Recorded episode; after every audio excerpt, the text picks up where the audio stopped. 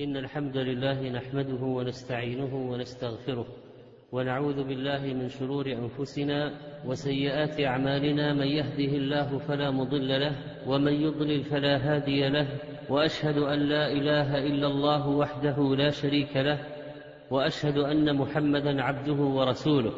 أما بعد فقد جاءت هذه الشريعة بسبل التعامل الحلال وبالمحبة بين المسلمين. وبتيسير الأمور على العباد وحرمت أكل المال بالباطل. يا أيها الذين آمنوا لا تأكلوا أموالكم بينكم بالباطل. وحرمت ما يوغر الصدور لا يبع بعضكم على بيع بعض. وحرمت غش المسلمين من غش فليس منا. ومن المعاملات المحرمة في الإسلام التي يكون فيها إيغار الصدور وأكل المال بالباطل والتضييق على عباد الله الاحتكار. ولذلك قال النبي صلى الله عليه وسلم لا يحتكر إلا خاطئ رواه مسلم. يحمل هذا العمل في طياته بذور الهلاك والدمار لما يسببه من ظلم وغلاء في الأسعار. وإهدار لتجارة المسلمين وصناعتهم وتضييق لأبواب العمل والرزق وهو نوع من محبة الذات وتقديم النفس على الآخرين ويؤدي إلى تضخم الأموال في طائفة قليلة من الناس ومن سياسات الشريعة الا تتكدس الأموال في طائفة قليلة محدودة من الناس بل توزع وتنتشر.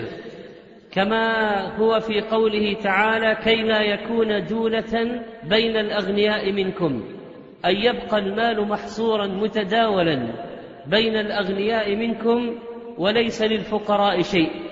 والاحتكار حبس ما يحتاج إليه الناس والامتناع عن بيعه حتى يرتفع سعره و يكون الغلاء الفاحش بسبب قلته. وهذا ليس خاصا بالأقوات بل هو عام في كل ما يحتاجه الناس ويقعون في حرج أو ضيق إذا فقد أو قل أو ارتفع سعره ارتفاعا فاحشا سواء كان طعاما أو لباسا أو دواء أو عقارا سواء كان ما يباع أو ما يؤجر وسواء كان عينا كالمحركات والأبنية والآلات والأطعمة أو كان عملا كالحرفة والصناعة. وهذا مذهب مالك رحمه الله وأبي يوسف ورواية عن الإمام أحمد وقال به بعض الشافعية واختاره علماء اللجنة الدائمة للإفتاء. ويدل عليه عموم قوله صلى الله عليه وسلم لا يحتكر إلا خاطئ وأن العلة إذا وجدت في الأشياء التي فيها إضرار بالناس فإن الحكم واحد. قال الشوكاني رحمه الله وظاهر الأحاديث أن الاحتكار محرم من غير فرق بين قوت الآدمي والدواب وبين غيره والتصريح بلفظ الطعام في بعض الروايات. لا يصلح لتقييد بقية الروايات المطلقة بل هو من التنصيص على فرد من الأفراد التي يطلق عليها المطلق. فالاحتكار إذن في كل سلعة ضرورية يحتاجها الناس. وأما الحرف والصناعات فإذا اتفق أصحاب العقارات مثلا على عدم تأجيرها إلا بالإيجارات المرتفعة يعتبر ذلك احتكار. وإذا اتفق أصحاب صنعة معينة على عدم بذلها إلا بسعر مرتفع فهو نوع من الاحتكار. قال شيخ الإسلام ابن تيمية رحمه الله فإذا كان الناس محتاجين إلى فلاحة قوم أو نساجتهم أو بنائهم صار هذا العمل واجبا يجبرهم ولي الأمر عليه إذا امتنعوا عنه بعوض المثل ولا يمكنهم من مطالبة الناس بزيادة عن عوض المثل ولا يمكن الناس من ظلمهم بأن يعطوهم دون حقهم. إذا لا ظلم من الطرفين والاحتكار يكون أيضا بالخدمات التي تقدم للناس كخدمة الهاتف أو الكهرباء أو المياه ونحو ذلك. ولا شك في تحريمه لما فيه من ظلم الناس والإضرار بهم. وهذا الحديث العظيم في صحيح مسلم.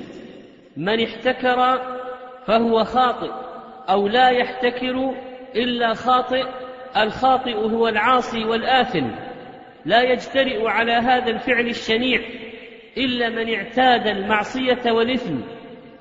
وروى ابن ماجة عن عمر رضي الله عنه أن النبي صلى الله عليه وسلم قال من احتكر على المسلمين طعاما ضربه الله بالجذام والإفلاس وحسن إسناده الحافظ ابن حجر وصححه المنذري وأحمد شاكر وقال عليه الصلاة والسلام من دخل في شيء من أسعار المسلمين ليغليه عليهم فإن حقا على الله تبارك وتعالى أن يقعده بعظم من النار يوم القيامة. رواه أحمد والحاكم والطبراني والبيهقي. وصححه بعض المحققين ومعنى عظم أي بمكان عظيم من النار. وروى أحمد عن ابن عمر عن النبي صلى الله عليه وسلم قال من احتكر طعاما أربعين ليلة فقد برئ من الله تعالى وبرئ الله تعالى منه. وقال الحافظ ابن حجر في القول المسدد للمتن شواهد تدل على صحته. وصححه الشيخ أحمد شاكر في تحقيق المسند. وهذا الوعيد والجزاء الذي فيه تعظيم العذاب على هذا الشخص يدل على أن الفعل من كبائر الذنوب. وهذا الاحتكار قد بين العلماء أنه ليس كل من ادخر طعاما أو ثيابا أو شيئا يكون محتكرا. وكان النبي صلى الله عليه وسلم يحبس لأهله قوت سنتهم فليس الادخار احتكارا وإنما الاحتكار المحرم ما كان فيه الشروط التالية. أولا أن يكون فيما يحتاجه الناس فإذا كان في الكماليات وأمور الترف فلا يعد احتكارا. كما لو احتكر أنواعا من السيارات يوجد بدائل لها أو أنواع من الثياب يوجد بدائل لها. ونحو ذلك. ثانيا أن يكون شراء المحتكر للسلعة فيه تضييق على الناس وحبس هذه السلعة والامتناع عن بيعها حتى يرتفع سعرها ارتفاعا فاحشا. وهذا الذي يضر بالناس. أما لو اشتراها في أيام الرخاء والسعة وادخرها إلى وقت الموسم ثم أخرجها وباعها بسعر السوق ولم يغال في ثمنها ولم يتواطأ هو وبقية التجار على رفع الأسعار فلا يعد هذا احتكارا فتخزين السلعة من وقت الرخاء لا يعتبر من هذا الباب. قال ابن قدام رحمه الله وأما إذا اشتراه في حال الاتساع والرخص على وجه لا يضيق به على أحد فليس بمحرم. وفي فتاوى اللجنة الدائمة أما ما كان الناس في غنى عنه فيجوز تخزينه حتى يحتاج إليه فيبذل لهم دفعا للحرج والضرر عنهم. وهكذا في فتاوى اللجنة. وهذا هو الاحتكار. قال في نيل الأوطار وهذا هو الاحتكار الذي كان يفعله سعيد بن المسيب فإنه سئل عن سبب احتكاره للزيت. قال أما أن يأتي أي المحتكر الشيء وقد اتضع أي توافر ورخص فيشتريه. ثم يضعه أي يخزنه فإن احتاج الناس إليه فأخرجه فهو خير. وهذا فيه خدمة للمنتج كالمزارعين فإذا لم تشترى ثمارهم في وقت الحصاد أدى ذلك بها إلى التلف. والمقصود أن لا يكون في المسألة تواطؤ على رفع الأسعار والإضرار بالناس فقد ترفع اضعافا وليس بضعف واحد. والناس لا يتحملون هذا. ولا بد حينئذ من كسر طوق الاحتكار بقوة السلطان. وقد يحصل التلاعب بمصالح الزراع والفلاحين مثلا من خلال الهيمنة على سوق السماد على سبيل المثال. ولذلك يعمد بعضهم إلى تصدير ما يحتكره واستيراد نوع اردأ فيربح في تصدير كل ما في البلد من السلعة ثم استيراد ما هو اردأ منها وفرض سعر معين على الناس. والظلم خطير والنبي صلى الله عليه وسلم قد بين أنه ظلمات يوم القيامة. وقد قال تعالى وعنت الوجوه للحي القيوم وقد خاب من حمل ظلما إنما السبيل على الذين يظلمون الناس ويبغون في الأرض بغير الحق. عباد الله إن هذه الاحتكارات في هذا الزمن صار لها صور متعددة ومنها انحصار استيراد السلع المعينة التي يحتاجها الناس بأشخاص معينين بحيث يمنع غيرهم من استيرادها ومن صورها كذلك الوكالات الحصرية التي لا يستطيع فيها الآخرون الإتيان بهذه السلع. فيتحكم هذا الوكيل بالأسعار أو يتواطأ هؤلاء الوكلاء المعدودون على رفع هذه الأسعار. ولذلك يقول شيخ الإسلام ابن تيمية رحمه الله بعد أن ذكر أن التجار إذا امتنعوا من بيع السلع مع ضرورة الناس إليها إلا بزيادة على ثمن المثل أن الحاكم في هذه الحالة يفرض عليهم بيعها بسعر المثل. قال وأبلغ من هذا أن يكون الناس قد التزموا أن لا يبيع الطعام أو غيره إلا أناس معروفون لا تباع تلك السلع إلا لهم ثم يبيعونها هم فلو باع غيرهم منع إما ظلما أو غير ظلم. قال فها هنا يجب التسعير عليهم بحيث لا يبيعون إلا بقيمة المثل بلا تردد في ذلك عند أحد من العلماء. فالتسعير في مثل هذا واجب بلا نزاع وحقيقته إلزامهم ألا يبيعوا إلا بثمن المثل. وهكذا جاء في فتاوى المجمع الفقهي وأما إذا غال في ثمنه أي التاجر مع عدم وجود البديل فحينئذ يجب فرض سعر عادل عليه. وأما مسألة التواطؤ واتفاق المستوردين أو التجار على رفع الأسعار فقد قال شيخ الإسلام رحمه الله إذا امتنع أرباب السلع من بيعها مع ضرورة الناس إليها إلا بزيادة على القيمة المعروفة فهنا يجب عليهم بيعها بقيمة المثل ولا معنى للتسعير إلا إلزامهم بقيمة المثل وهكذا ذكر ابن القيم رحمه الله في الطرق الحكمية أن على الحاكم أن يمنع أصحاب الحرفة الواحدة من الاشتراك لأنهم إذا اشتركوا أضروا بالناس فيمنعهم إذن من إقامة شركة يتحدون فيها لماذا؟ لأن هذه الشركة حينئذ سوف تفرض سعرها على الناس ويرغمون على الأخذ به. قال ابن القيم رحمه الله وكذلك عليه أن يمنع البائعين إذا تواطؤوا على البيع بسعر محدد قدروه لهم. ووجه الضرر أنهم يتحكمون في الأسعار والناس مضطرون إلى سلعهم وأعمالهم. وهذا يحدث اليوم في قطاعات متعددة كالأدوية والاتصالات ونحو ذلك ومن سيئات الاحتكار إخفاء بعض السلع من السوق رغبة في تصريف سلع أخرى هي اردى أو أقدم ونحو ذلك كما تفعله بعض الشركات من تعمد إخفاء النوع الرخيص مثلا حتى يضطر الناس إلى الشراء النوع الغالي ويقع ذلك في أنواع من الحليب المجفف والمواد الغذائية وقطع الغيار ونحو ذلك.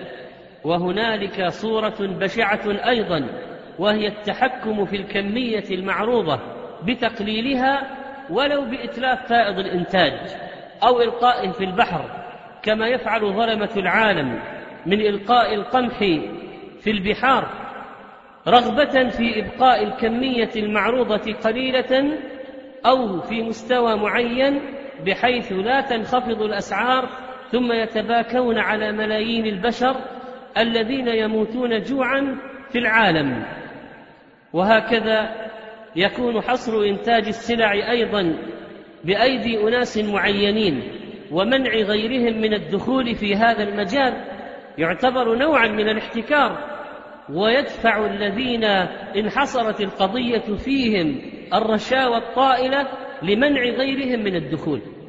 يقول الفقيه ابن عابدين رحمه الله لا يجوز ما عليه أهل بعض الصنائع والحرف من منعهم من إرادة الاشتغال في حرفتهم وهو متقن لها أي الداخل الجديد لهذا المجال أو أراد تعلمها فلا يحل التحجير عليه. وهذا الذي يؤدي إلى ارتفاع أسعار مواد البناء كالحديد والصلب والإسمنت ونحو ذلك. وهكذا يعمد بعض من عنده الأدوية إلى منع آخرين من الدخول في هذا المجال. ويتحكم المنتجون والمصنعون في أنحاء العالم وخصوصا في الدول الصناعية في هذه القضية بحيث يتواطؤون على رفع الأسعار ثم هذه المجتمعات الفقيرة أو ما يسمونه بالنامية تتورط في الأمر ويحدث أن تحتكر بعض الشركات الكبرى المتخصصة ببيع المياه مثلا هذه الصنعة وتمنع الغير من الدخول فيها في بعض البلدان والناس محتاجون إلى ماء الشرب أشد الحاجة فيقعون في الضرر العظيم. وهكذا ما تفعله بعض شركات تشغيل أنظمة الحاسب ببرامجها من أنواع الهيمنة والسيطرة ثم فرض الأسعار والاحتماء بقوانين الملكية الفكرية لكي لا يستطيع كثير من الناس أن يأخذوا سلعتهم وبرامجهم إلا بالأسعار المرتفعة التي لو قدر لها ثمن عادل يتناسب مع التعب والإنفاق الذي بذل في إنتاجها لكان أقل بكثير فأين التسعير العادل الذي يتناسب مع تكلفة إنتاج السلعة وربح معقول لا يضر بالمستهلك والمشتري؟ والشريعة قد جاءت برحمة العباد والله سبحانه من أسمائه الرحيم. وكذلك فإن الإحسان إلى الناس يخالف هذا الفعل أشد المخالفة. وقد قال سبحانه وأحسنوا إن الله يحب المحسنين. وإذا كانت قواعد الأخوة في الإسلام تفرض أحب للناس ما تحب لنفسك فكيف بعد ذلك يتم مثل هذا؟ والاحتكار بعد عن منهج الله تعالى وغياب للتقوى ونوع طمع وجشع والعبد حر ما قنع والحر عبد ما طمع. فما أبعد هذا التصرف عن روح الشريعة. يأتي على الناس زمان لا يبالي المرء ما أخذ منه من أمن الحلال أم من الحرام. رواه البخاري. وهكذا أصبح الغش والربا والتدليس والخداع والميسر المقامرات وكذلك الاحتكار من المصادر الهائلة لأكساب هؤلاء الذين لا يخافون الله. وأحيانا ما تكون الخصخصة تكريسا للاحتكار. وأيضا فإن لهذه القضية من الأساليب في العصر الحاضر ما تفتق عن عقول شياطين الإنس المؤيدين بشياطين الجن لظلم الناس. من حرية تدفق المنتجات للأسواق وعرقله أصحاب القدرات الذين يريدون الدخول في المجالات المختلفة وتجميد عمليات التصنيع والتوزيع والتسويق في عدد من الأماكن والحالات وكذلك من الأساليب أن يقدم بعض الكبار إذا رأوا صغارا قد دخلوا في السوق أو في الصنعة على سياسة حرق الأسعار فيخفضونها إلى ما دون قيمة الإنتاج وتكلفته وثمنه. وهم يتحملون هذا فترة من الوقت بحكم أرباحهم السابقة حتى يخرج هؤلاء الصغار من السوق ويتم تحطيمهم والقضاء عليهم ثم بعد ذلك يرفع الكبار الأسعار ويعوضون ما فاتهم في مدة حرق الأسعار بسرعة. وهكذا وهكذا يكون المال دولة في يد طائفة قليلة. ومن أراد المكسب الشريف والدخول في هذه الصناعة ومن أراد إيجاد الفرص ومن أراد أن يوفر لنفسه وأهله مصدرا شريفا يحارب. ويقضى عليه بما يعمله هؤلاء الكبار في السوق. وأحيانا يكون الاندماج والاستحواذ مؤديا إلى احتكار عظيم ولذلك ينبغي من جهة السياسة الشرعية في بعض الحالات منع هذا الاندماج.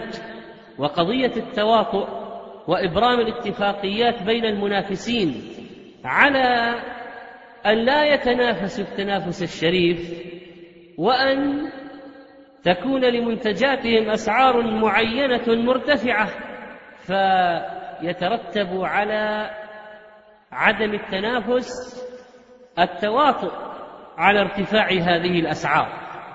وأحيانا يقسمون السوق إلى مناطق معينة ويكون لكل واحد من هؤلاء الكبار مكان معين ليرفع فيه الأسعار كما يشاء. لا شك أن هذا الاحتكار لون ووجه من وجوه مبدأ الرأسمالية الجشعة الغربية التي تقوم على النزعة الفردية والمنفعة للواحد ولو تحطم الجميع وهو مسبب للتضخم ورداءه نوعية السلعة. وإهدار صحة المستهلكين وضرر مباشر على اقتصاد الناس وصناعاتهم. وقد وجد في الأبحاث أنه مانع من موانع التقدم التكنولوجي وزيادة الإنتاج والتطوير فكل ذلك يقل بسبب هذا الاحتكار ويترتب عليه أنواع من الأمراض الاقتصادية والاجتماعية كالبطالة والرشوة فهؤلاء المحتكرون يبذلون اموالا كي لا يدخل غيرهم في السوق ويتواطؤون مع من يبقيهم ويمنع غيرهم وهو يؤدي إلى زيادة التقسيم الطبقي للمجتمع وتولد الشحناء والبغضاء بين فئاته وفي ذلك ولا شك منع للمنافسة الشريفة. ولذا تنبه بعض العقلاء إلى معالجة مثل هذه الآفات بالتدخل للتسعير وفتح المجال للمنافسة الشريفة بالرغم عن أولئك المحتكرين وتشجيع الاستيراد إذا أدى هذا الاحتكار المحلي إلى التضييق على الناس وتوفير السلع الضرورية وكذلك الرقابة ومعاقبة المحتكرين والإلزام والتسعير عليهم والمراقبة الدقيقة لعمليات البيع والشراء واتخاذ الاحتياطي اللازم فيما يحتاجه الناس إن القضية إذن تحتاج إلى نظر ومعالجة لأجل أن لا يحصل الضرر ولا ينزل الظلم بعباد الله. اللهم إنا نسألك أن تجعل عيشنا في رخاء. اللهم إنا نعوذ بك من الظلم نعوذ بك أن نظلم أو نظلم نعوذ بك من غلبة الدين وقهر الرجال. اللهم إنا نسألك الأمن والإيمان والمغفرة يا أرحم الراحمين. اللهم لا تهلكنا بذنوبنا ولا تؤاخذنا بما فعل السفهاء منا. اللهم انشر رحمتك علينا إنك أنت الغفور الرحيم. أقول قولي هذا وأستغفر الله لي ولكم. الحمد لله أشهد أن لا إله إلا هو وحده لا شريك له لم يتخذ صاحبة ولا ولدا. وأشهد أن محمدا رسول الله الرحمة المهداة البشير والنذير والسراج المنير صلى الله عليه وعلى آله وصحبه. اللهم صل وسلم وبارك على عبدك ونبيك محمد وعلى آله وأصحابه وذريته وأزواجه والتابعين لهم بإحسان إلى يوم الدين. عباد الله إذا نزل الغيث انتعشت قلوب العباد وأنزل من السماء ماء فأخرج به من الثمرات رزقا لكم فلا تجعلوا لله أندادا وأنتم تعلمون. وهو الذي ينزل الغيث من بعد ما قنطوا وينشر رحمته. إنه الماء المبارك ونزلنا من السماء ماء مباركا وهو الماء الطهور وأنزلنا من السماء ماء طهورا وهو إحياء الأرض والله أنزل من السماء ماء فأحيا به الأرض بعد موتها إن في ذلك لآية لقوم يسمعون. وإذا رأى بعض أهل المدن شيئا من الضرر عليهم في طرقهم من تجمع المياه فإن في ذلك مصالح لعباد الله المنتشرين في الأرض كما قال تعالى ونسقيه مما خلقنا أنعاما وأناسيا كثيرا فليشرب منه الناس والحيوان. أفرأيتم الماء الذي تشربون؟ أأنتم أنزلتموه من المزن أم نحن المنزلون؟ فهذا الماء يتجمع في هذه الخزانات الأرضية التي هي من خلقة الله التي هي من خلق الله تعالى يخلقها في الأرض لمصالح العباد حتى تكون هذه المياه الجوفية شربا للناس. ويتحدثون عن قضية الاستمطار الصناعي.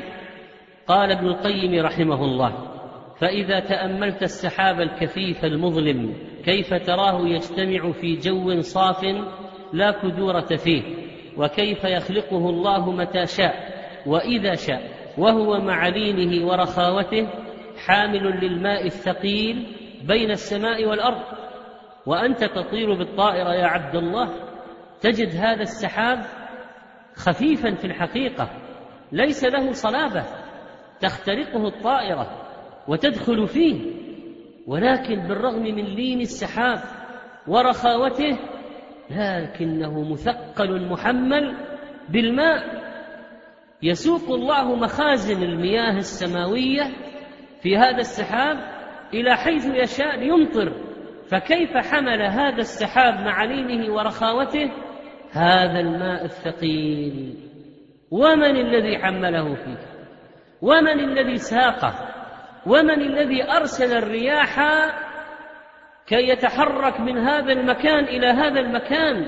ثم إذا شاء أمطر وإذا شاء سبحانه قشع فلم يمطر وتبدد وذهب إلى أمكنة أخرى. قال ابن القيم رحمه الله وهو مع لينه ورخاوته حامل للماء الثقيل بين السماء والأرض إلى أن يأذن له ربه وخالقه في إرسال ما معه من الماء فيرسله وينزله مقطعا بهذه القطرات كل قطرة بقدر مخصوص اقتضته حكمته ورحمته فيرش السحاب الماء على الأرض رشا ويرسله قطرات مفصلة لا تختلط قطرة منها بأخرى ولا يتقدم متأخرها ولا يتأخر متقدمها ولا تدرك القطرة صاحبتها. فتمزج بها بل تنزل كل واحدة في الطريق الذي رسم لها لا تعدل عنه حتى تصيب الأرض قطرة قطرة. قد عينت كل قطرة منها لجزء من الأرض لا تتعداه إلى غيره. قال ابن القيم رحمه الله فلو اجتمع الخلق كلهم على أن يخلقوا منها قطرة واحدة أو يحصوا عدد القطر في لحظة واحدة لعجزوا عنه فتأمل كيف يسوقه سبحانه رزقا للعباد والدواب والطير والذر. والنمل يسوقه رزقا للحيوان الفلاني في الأرض الفلانية بجانب الجبل الفلاني فيصل إليه على شدة من الحاجة والعطش في وقت كذا وكذا ثم كيف أودعه في الأرض؟ ثم أخرج به أنواع الأغذية والأدوية والأقوات فهذا النبات يغذي وهذا يصلح الغذاء وهذا ينفذه وهذا يضعف وهذا سم قاتل وهذا شفاء من السم هذا يمرض وهذا دواء من المرض وهذا يبرد وهذا يسخن وهذا إذا حصل في المعدة فعل كذا وكذا وهذا يفرح إلى غير ذلك من عجائب النبات التي لا تكاد تخلو ورقة منه ولا عرق ولا ثمر من منافع تعجز عقول البشر عن الإحاطة بها وتفصيلها. اذا الله سبحانه هو الذي ينزل المطر وهو الذي أرسل الرياح بشرا بين يدي رحمته وأنزلنا من السماء ماء طهورا لنحيي به بلدة ميتا ونسقيه مما خلقنا أنعاما وأناسيا كثيرا ولقد صرفناه بينهم ليذكروا. قال ابن كثير أي أمطرنا هذه الأرض دون هذه وسقنا السحاب فمر على هذه الأرض وتعداها وجاوزها وتعداها وجاوزها إلى الأرض الأخرى فأمطرتها وكفتها فجعلتها عبقا والتي وراءها لم ينزل فيها قطرة من ماء. وله في ذلك الحجة البالغة والحكمة القاطعة. ولقد صرفناه بينهم أي المطر ليذكروا. قال ابن مسعود وابن عباس ليس عام بأكثر مطرا من عام ولكن الله يصرفه كيف يشاء. ثم قرأ هذه الآية ولقد صرفناه بينهم ليذكروا. فأبى أكثر الناس إلا كفورا. من الذي يحمل السحاب بالماء؟ أصحاب الأمطار الصناعية؟ من الذي يسوق السحاب من مكان إلى مكان؟ أصحاب الاستمطار الصناعي؟ من الذي ينزل منه بقدر ما يشاء؟ أصحاب الاستمطار الصناعي يتحكمون في كمية الماء النازل فيمنع ويدفع كما يشاءون؟ كلا. أأنتم أنزلتموه من المزن أم نحن المنزلون؟ قال سبحانه هو الذي يريكم البرق خوفا وطمعا وينشئ السحاب الثقال. هل ينشئون السحاب هم؟ كلا. ويسبح الرعد بحمده والملائكة من خيفته ويرسل الصواعق فيصيب بها من يشاء. وهذه الاستمطارات هي عمل في جزء محدود من عملية نزول المطر الكبيرة والضخمة التي تتم. وقد تنجح وقد تفشل وقد تنزل أمطار حامضة تتلف المحصولات وتضر بالأرض. وليس ما تدخل فيه ابن آدم كالذي نزل من ربك مباشرة من دون وضع العباد أياديهم فيه. وسبحان الذي يقول للأرض ابلعي ماءك. ويا سماء أقلعي. كان نبينا صلى الله عليه وسلم إذا رأى غيما أو ريحا عرف ذلك في وجهه من خشيته لله ويقول يا عائشة ما يؤمنني أن يكون فيه عذاب؟ قد عذب قوم بالريح وقد رأى قوم العذاب فقالوا هذا عارض ممطرنا. رواه البخاري ومسلم. وإذا أمطر سري عنه لأن الغيم قد انكشف عن مطر وليس عن عذاب. ويقول اللهم صيبا نافعا. اللهم سقيا رحمة لا سقيا عذاب. لأن سقيا العذاب تغرق الشوارع تغرق الناس تغرق البيوت تهدم البيوت. قال اللهم سقيا رحمة ولا سقيا عذاب ولا بلاء ولا هدم ولا غرق. وإذا اشتد المطر على الناس فآذاهم يشرع لهم أن يقولوا حينئذ اللهم حوالينا ولا علينا. اللهم على الآكام والجبال والاجان والضراب والأودية ومنابت الشجر متفق عليه. اجعل هذا المطر على الأرض التي تنتفع به واصرفه عن الأبنية والدور. هذا من معاني حوالينا ولا علينا. وكذلك قوله الآكام التراب المجتمع والضراب الجبل المنبسط وليس بالعالي هذا الضرب وجمعه ضراب. والأودية وبطونها ومنابت الشجر التي تستفيد من الماء. ويقول المسلم وهو يعزو النعمة إلى ربه مطرنا بفضل الله ورحمته. وهذا من شكرها هذا من شكرها. أفرأيتم الماء الذي تشربون؟ أأنتم أنزلتموه من المزن أم نحن المنزلون؟ ولذلك تخفق كثير من عمليات الاستمطار الصناعي. تخفق. ولا ينجح إلا ما يشاءه الرب. ثم قال لو نشاء جعلناه أجاجا. أنزلنا عليكم مطرا مالحا. لا تنتفعون به. قال تعالى فلولا تشكرون. وقال قل أرأيتم إن أصبح ماؤكم غورا فمن يأتيكم بماء معين؟ فلو صار غائرا لا يمكن استخراجه. عميقا جدا في الأرض. فمن الذي يزودكم بالماء ويخرجه لكم؟ والدعاء عند المطر من السنة وأن يحسر عن شيء من ثوبه ليصيب جسده هذا الذي هو حديث عهد بربه. والأصل في طين الشوارع الطهارة. وجاء عن عدد من التابعين أنهم كانوا يخوضون الماء والطين في المطر ثم يدخلون المسجد فيصلون فيه. ويتذكر المسلم حديث اسق حديقة فلان فعندما يتقي الله ربه فيما يملك هذا يتصدق بثلث ما يملك ويبقي الثلث لإعادته في الأرض والثلث ينفقه على عياله وأهله فنسأل الله سبحانه وتعالى أن يبارك لنا فيما آتانا وأن يجعل ما آتانا عونا لنا على طاعته وأن يغيث قلوبنا بالإيمان وأن يصلح البلاد والعباد. اللهم إنا نسألك أن تنشر رحمتك وأنت الولي الحميد.